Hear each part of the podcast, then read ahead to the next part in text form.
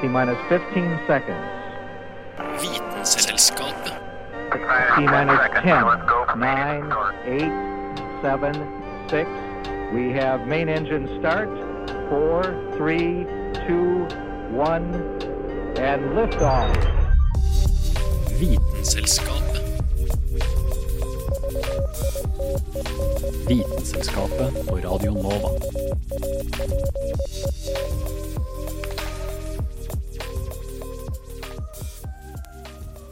Hjertelig velkommen til en ny utgave av Vitenselskapet her på Radio Nova. Vi er jo en gjeng som er glad i å trekke fram det, de store, gode tingene, alle de forskjellige utviklingene som foregår, som gjør at vi får nye gadgets, nye vitenskaper, nye dyr, alt mulig rart nytt å forholde oss til. Men det er én ting vi ikke har brukt så mye tid på å prate om før.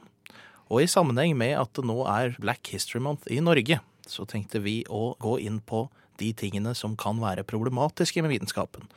Og spesielt kanskje der hvor vitenskapen ikke framstår som spesielt nøytral. Og med meg til å gjøre det i dag, så har jeg deg, Anna Vik Rødseth. Yes, hallo. Og deg, Hanne Grydland. Hallo. Og vi har, jo, vi har jo nok av eksempler gjennom historien på at eh, vitenskapen kanskje ikke kan kalles spesielt nøytral. Ja, Vi kan jo snakke med den eh, store stygge ulven. eh, Begynne med ja, Hitlers raselære, bare for å begynne helt på ytterpunktene. Det var jo et perfekt eksempel på at det bruker noe som egentlig ikke er korrekt, men for å egentlig bare underbygge sine egne teorier, og prøver da å få en sånn vitenskapelig overblikk for å Ja, nettopp bare for å si at sånn er det. Ja, og i hundreårene før andre verdenskrig så var jo eugenetikk eller raselære en ganske sånn eh, Hva skal jeg si akseptert vitenskap, da. Hvor man tilordnet Eller man delte menneskeheten inn i ulike raser. Eh, og det var jo etter hvordan de så ut. Eh, og så tilordnet man dem ulike egenskaper. Og de egenskapene de var jo basert ofte på observasjoner, som ikke alltid var helt eh, objektive. For eksempel når europeerne kom til Amerika og s- fikk med seg spredte alle sykdommene sine blant uh, indianerne. Indianerne døde jo i hopetall. De, de som var igjen, ble kanskje alkoholikere. For de hadde aldri måte, vært borti det før. Eh, og på bakgrunn av det så mente europeerne at indianerne de var bare eh, svake eller dumme eller ja, drikkfeldige. Eh, sånn type ting. Da. Så satte, satte de fordommene seg. Men det er jo ikke bare på, måte, på verdensbasis man har anvendt eh, raselære, eller hva jeg skal si. Nei, det var vel to raser i altså, Norge. Det var både vestlendinger og østlendinger. Ja, eh, eh, og det er litt, eh, hva skal jeg si, morsomt, men eh, før i tida, man kunne jo ikke på en måte analysere genmaterial til folk, så det man hadde å gå etter var jo hvordan de så ut. Eh, og um, på 1800-tallet så vokste det fram en sånn hva skal jeg si, teori, da, en sånn fysisk antropologi, het det, hvor man eh, mente at basert på formen på hodeskallen, så kunne man på en måte avgjøre om en person var lat eller dum, eller eh, egenskapene til personen, da. Eh, og noe av det var jo på en måte ikke egentlig rettet mot raser, mens andre, andre deler av det var det. Eh, og i Norge så eh, var det jo en som het Bryn på begynnelsen av 1900-tallet, som mente at vi var delt inn i både ko eh, kortskaller og langskaller. Og, Anna, du er jo Kan vel si du er vestlending? Ja. Ja. Eh, da var du en kortskalle, ja. eh, og du hadde, kunne, hadde evnen til å jobbe energisk i korte perioder. Mens Dag, vi får vel kalle deg en østlending. Ja, jeg, jeg godkjenner den definisjonen. Ja, da er du en eh, langskalle. Eh, og du er ikke så energisk, men du er seig. Det passer jo egentlig litt godt da, til meg og Dag. Ja, jeg, jeg føler meg ganske seig når jeg sitter her nå og holder ut denne skallepraten. Ja. Men vi har jo kommet inn på noe viktig her, og det handler jo om anvendelsen av, av redskapet vi kaller vitenskap. For vi har jo en tendens til å ofte løfte det opp som den store, eller for oss, da, vår store gud, omtrent, mm. som står der og egentlig dømmer for oss også, men det handler jo om veldig mange sammenhenger som dere nevner i fortiden her, handler jo om anvendelsen av fra oss, fra vår side, hvordan vi har brukt dette her. Men i dag skal vi også komme litt inn på hva som skjer faktisk i dag, for vi regner jo med at vi har blitt en del bedre. Ja. enn det vi var for 200 år siden. Vi har kommet et stykke på vei, men det er jo fortsatt noen sånne småting som henger igjen, så det blir, det blir spennende å se hva, hva vi finner i bunnen av denne, kall det litt skitne kista vitenskapen faktisk drar med seg.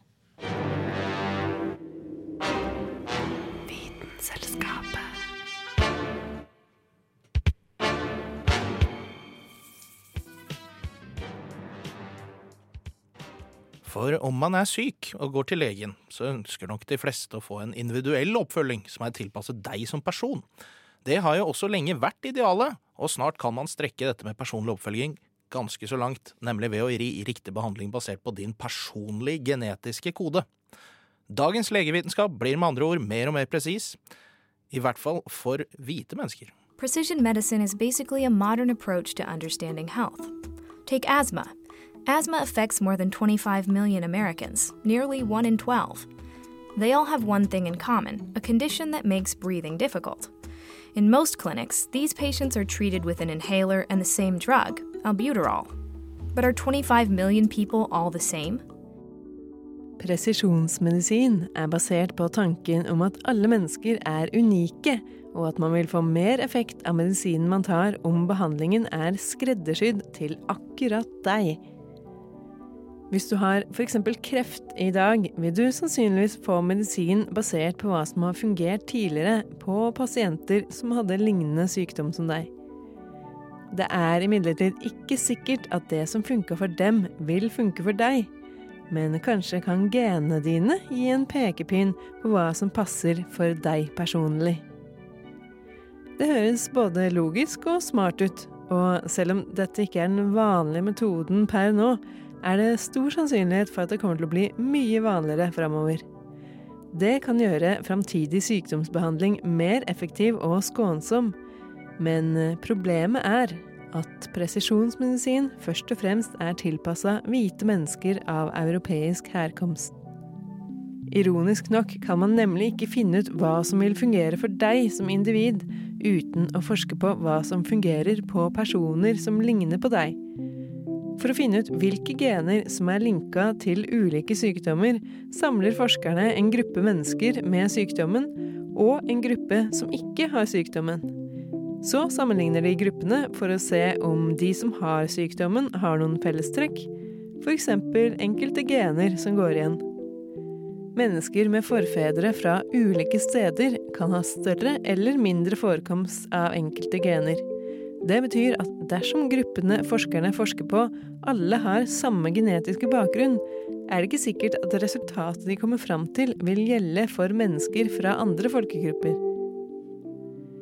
Et eksempel er genet APOL1, som forekommer oftere hos folk med forfedre fra Afrika sør for Sahara. Genet gir bedre beskyttelse mot afrikansk sovesyke, men det mer enn sjudobler sjansen for nyresykdom. Det sier seg selv at å vite om dette vil ha mye å si for diagnostisering og behandling av nyresykdom. Problemet er at nesten alle som er med i disse gensykdomsstudiene, er av europeisk herkomst. Faktisk over 80% Denne enorme skjevheten gjør at hvite mennesker sannsynligvis vil få en enda større fordel på helsefronten enn de allerede har. Med tanke på hvor raskt utviklingen av presisjonsmedisin går, haster det å jevne ut denne ulikheten dersom alle skal få nytte av den. For hva er poenget med skreddersydd behandling hvis den er skreddersydd for noen andre? Mange medisinske standarder har og er fremdeles basert på hvite mennesker. For eksempel er mange klassiske symptomer medisinstudenter lærer om basert på pasienter med hvit hud. Symptomer som blå lepper, røde utslett og lignende, som ofte kan anses som typiske symptomer, kan se annerledes ut på mennesker med mørkere hud. Heldigvis er det blitt et større fokus på dette problemet i nyere tid, og det blir nå utgitt håndbøker for å diagnostisere sykdommer på mørkere hud. Og denne sykdommen, eller saken, ble laget av Kristin Grylland. Oslo 2 igjen, Oslo 2. Dette er Vitenselskapet. Radio November, Oskar, Viktor, Alfa. Nei, nå har vi jo fått kjerra i gang og fått hjulene på bakken. Hanne Grydland, jeg ønsker at du trekker oss videre på denne stien vi har begitt oss ut på. Ja, altså programvare, IT-teknologi, det er jo ganske nytt. Eh, Men det viser seg at eh, vi er ikke helt eh, kvitt de rasistiske sporene eh, heller her. Eh, Har dere hørt om chatboten Tai? Jeg har ikke hørt om han. Nei, eh, jeg tror ikke jeg hørte om Jeg har hørt om chatboter, da, men Ja, ja. ikke chatboten Tai. Eh, vi kan først ta hva en chatbot er. Da. En chatbot den eh, baserer seg på kunstig intelligens, som regel.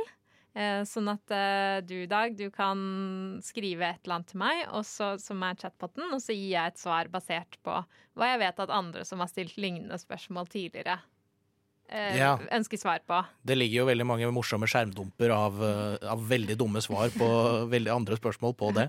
Ja, eh, men poenget er jo at eh, jeg er kanskje litt dum til å begynne med, men etter å ha chatta med liksom veldig mange forskjellige mennesker, da, så vil jeg på en måte av meg selv skjønne hva som er det riktige svaret. Eh, Og i 2016 så slapp Microsoft en chatbot på markedet som het Tai. Eh, Og de skulle mm, De slapp den ut på Twitter. Tai skulle produsere Twitter-meldinger. Og den skulle jo da lære seg uh, hva en Twitter-melding var, innhold og sånn, basert på hva andre Twitter-brukere på en måte skrev til Tai, da. Eh, så Men det her endte med at etter 16 timer og 90 000 tweets fra Tai, så eh, måtte Microsoft bare legge ned hele greia, for Tai hadde rett og slett blitt en rasist. Eh, Han hadde blitt hva man på godt amerikansk kaller white supremacist. Ja. Ja, vi er på Twitter her, det var det du sa? Vi er på Twitter. Jeg, jeg har eh, jeg, jeg kan se hvor Tai kommer fra, hvis det er det som er basen til Tai. Altså, der er det mye dritt. Og det verste var jo at Tai var programmert til å på en måte være en 19 år gammel amerikansk jente. Eh, men folk begynte bare å tweete helt sånn eh, med masse sånn fake news, masse rasistiske propaganda, propaganda, masse drit da, til eh, Thai. Og så den, altså en algoritme er jo på en måte helt eh, Hva skal jeg si, den, den vet jo ikke hva som er etisk eh, innafor eller ikke.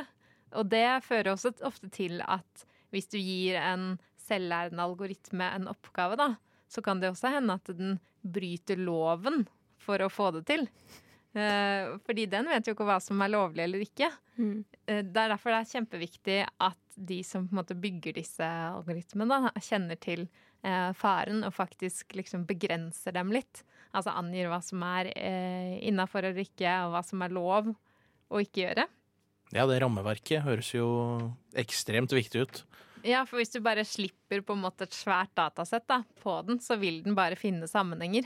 Eh, For eksempel hvis eh, eh, vi skulle søkt, jeg skulle søkt lån i banken, da, og banken har analysert lånebetalere og funnet ut at folk som heter Hanne, de betaler De pleier ikke å Eller hva skal vi si, de har en litt dårligere tilbakebetalingsevne, da, for eksempel. Så kan jo den finne på å nekte meg lån fordi jeg heter Hanne. Mm. Eh, og samme måte med, med hudfarge, selvfølgelig, da. Ja, det er vel et stort problem i USA òg, har jeg fått med meg nyhetene riktig? Er det i forhold til de som blir innvilget lån, og at det blir delt på, på linjer som ikke er OK? Ja, eller eh, forsikring, eh, for eksempel. Eh, og så må jeg bare helt til slutt, hvis jeg kan ta med et bilde av Obama her. Eh, for det var en sånn eh, app i 2017, jeg vet ikke om dere husker den, het FaceApp. Eh, som var sånn som et Snapchat-filter, på en måte. Hvor du kunne legge på filtre på deg selv. Eh, og så hadde de et filter som het Hotness. Eh, og her er det to bilder av Barack Obama, hvorav det ene er da brukt filteret Hotness på. Eh, ser dere noe forskjell? Ja, han er jo litt eh, grann hvitere. Ja. Ja, håret. Mm. Han er både hår, eller her Håret er litt mørkere, da, kanskje. Mm. Og så huden er lysere. Mm. Eh, og så er det jo så retta ut rynker og sånn. Mm. Um, men da var det jo altså de russiske utviklerne som hadde den mata den med data. eh, der hvite mennesker var kategorisert som litt penere, eller hot, hotte, da, enn Mm. svarte. En Obama?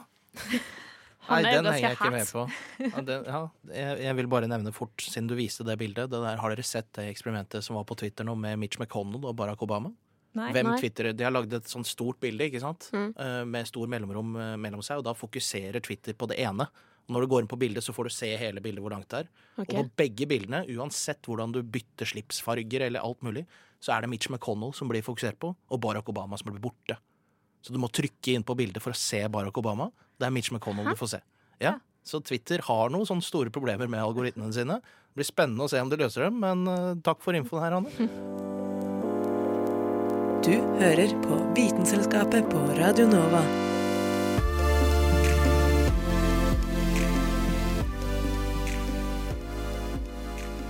I dag kan man trygt si at nesten alle elsker å ta bilder, enten det er av maten vår, husdyra våre eller oss selv og vennene våre.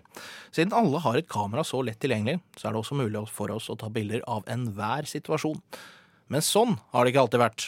For bare noen få tiår siden så hadde kameraene våre ekte film. Og det var ikke alt som kom like bra frem på den filmen.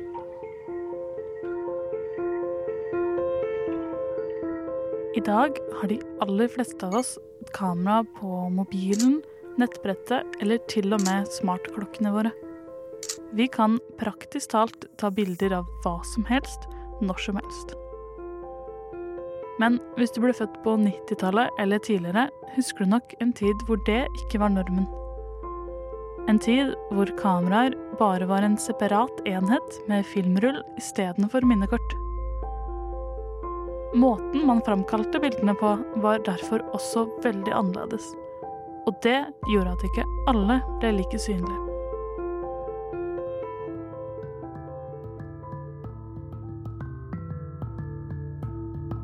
Når man fremkaller foto på film, skjer det en kjemisk reaksjon.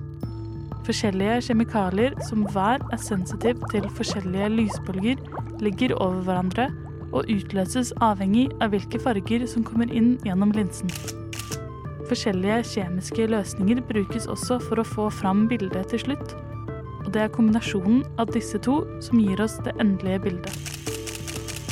Filmprodusentene pleide da å bruke et fargekort som referanse, og for å finjustere på hvilke farger som kom best frem i bildet. Fargekortet de brukte, spesielt i Amerika, kaltes for et Shirley-kort, oppkalt etter kvinnen på bildet. Hun var en pen, hvit kvinne med brunt hår og svart kjole. Det var hun som nærmest var definisjonen på hva som kom fram på et bilde.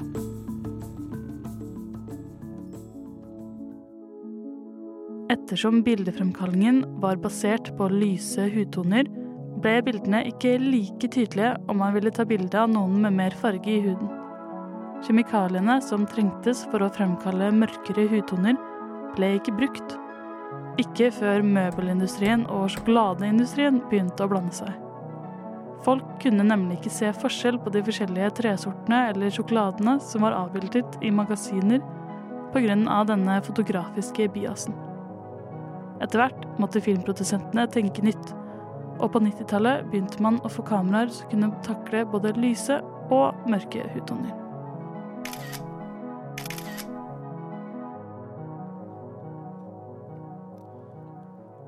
Denne saken den ble laget av Julianne Li Fjell. Vitenselskapet. Vitenselskap. Vitenselskapet. Vitenselskapet. Vitenselskapet. Ja, vi skal videre på livets landevei, og Anna, Yes. jeg velger deg til å lede veien videre. Ja, da skal jeg snakke om noe som jeg både elsket og hatet, nemlig Zoom! Oh, uff a meg. Vi kjenner jo alle til det, spesielt etter den verdenskjente pandemien som eh, holder på fortsatt. Og bare for lytteren der hjemme, det er Zoom, den videotjenesten. Ja. Det er Videokonferanse. videokonferanse, ja. Der du kan eh, snakke med folk mens du ser dem i 2D-formater.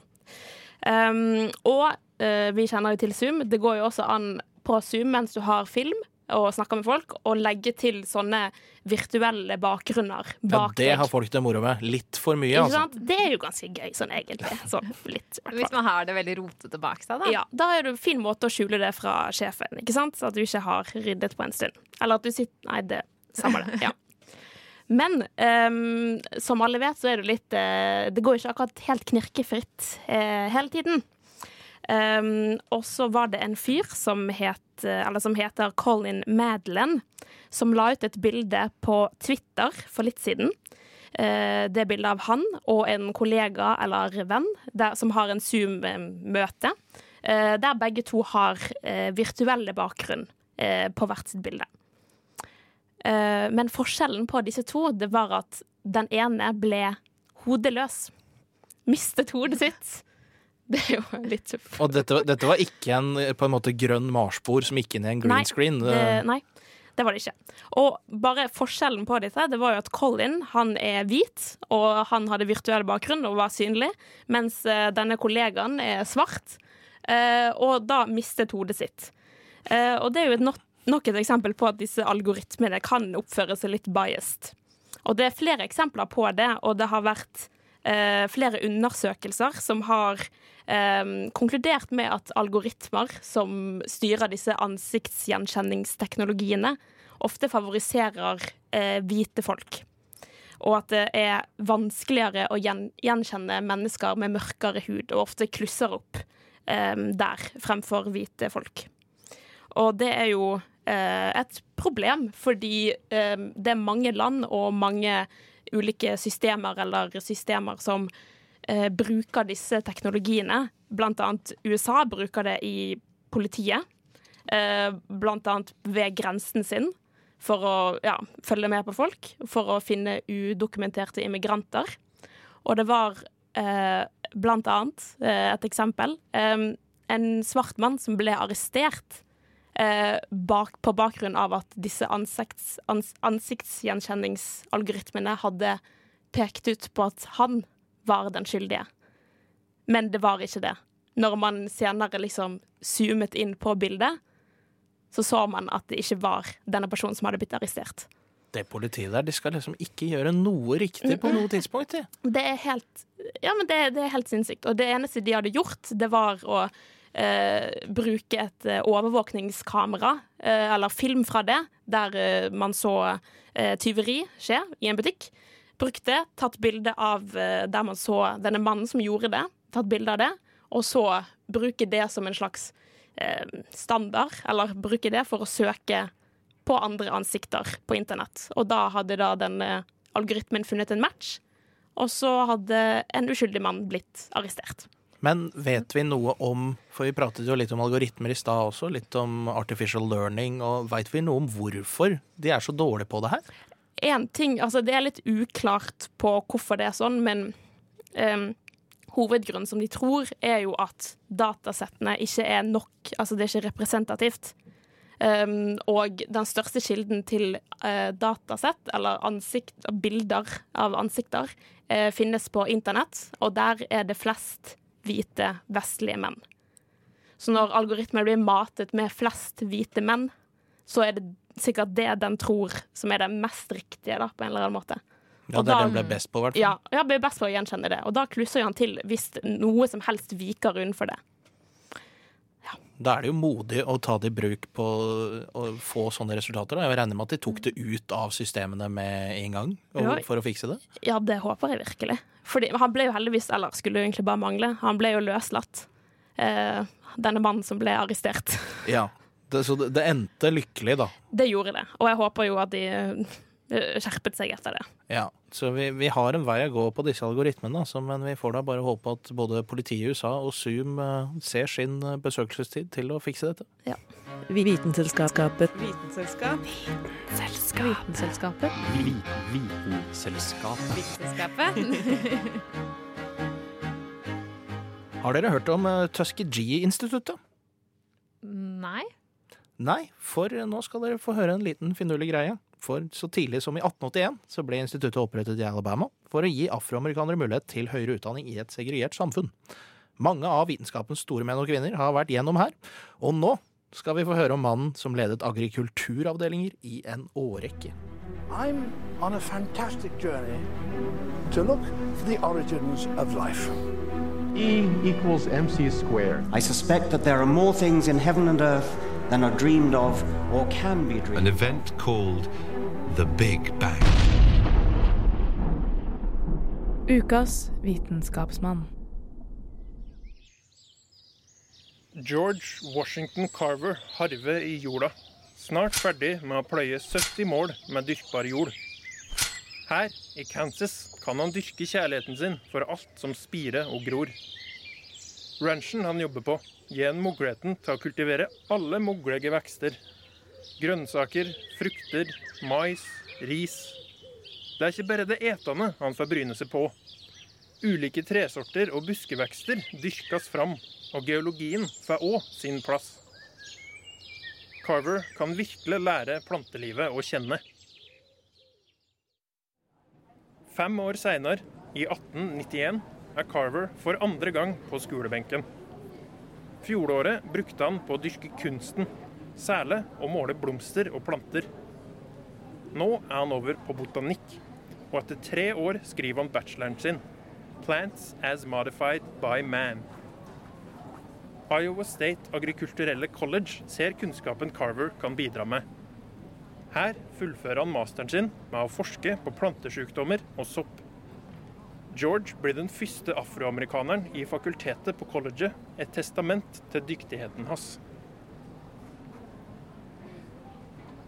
I 1896 inviterer Booker T. Washington, rektoren ved det nyoppstarta Tuskegee-instituttet, Carver til å lede agrikulturfakultetet.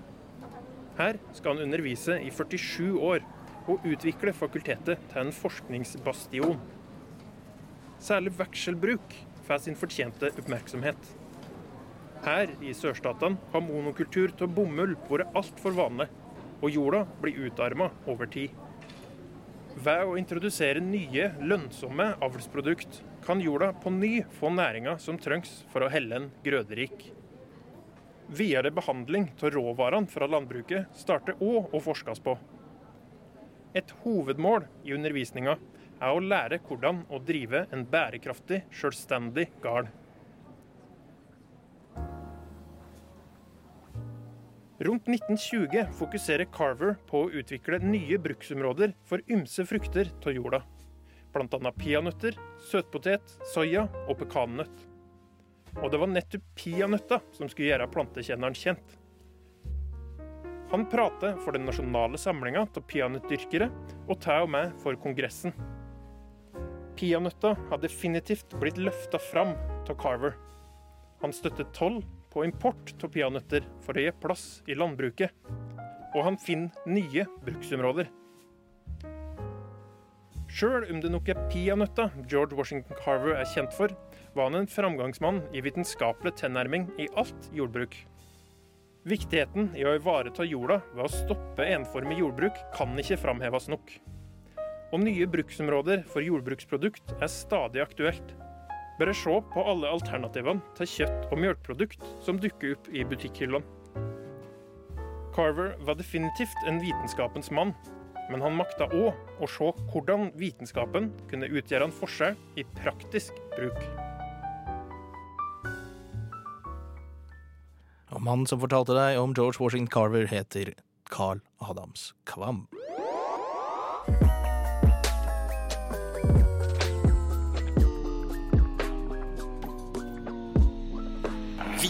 Vitenselskapet.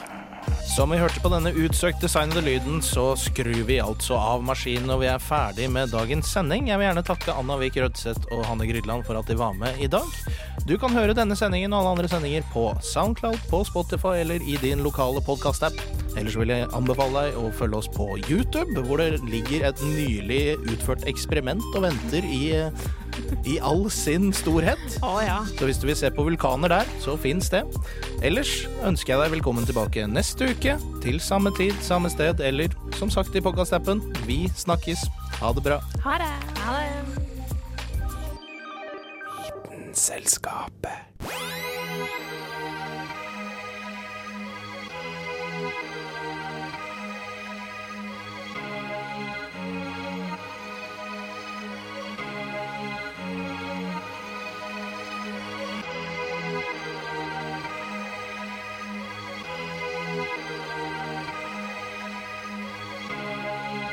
Siden 1982 har Radio Nova gitt deg favorittmusikken din, før du visste at du likte den.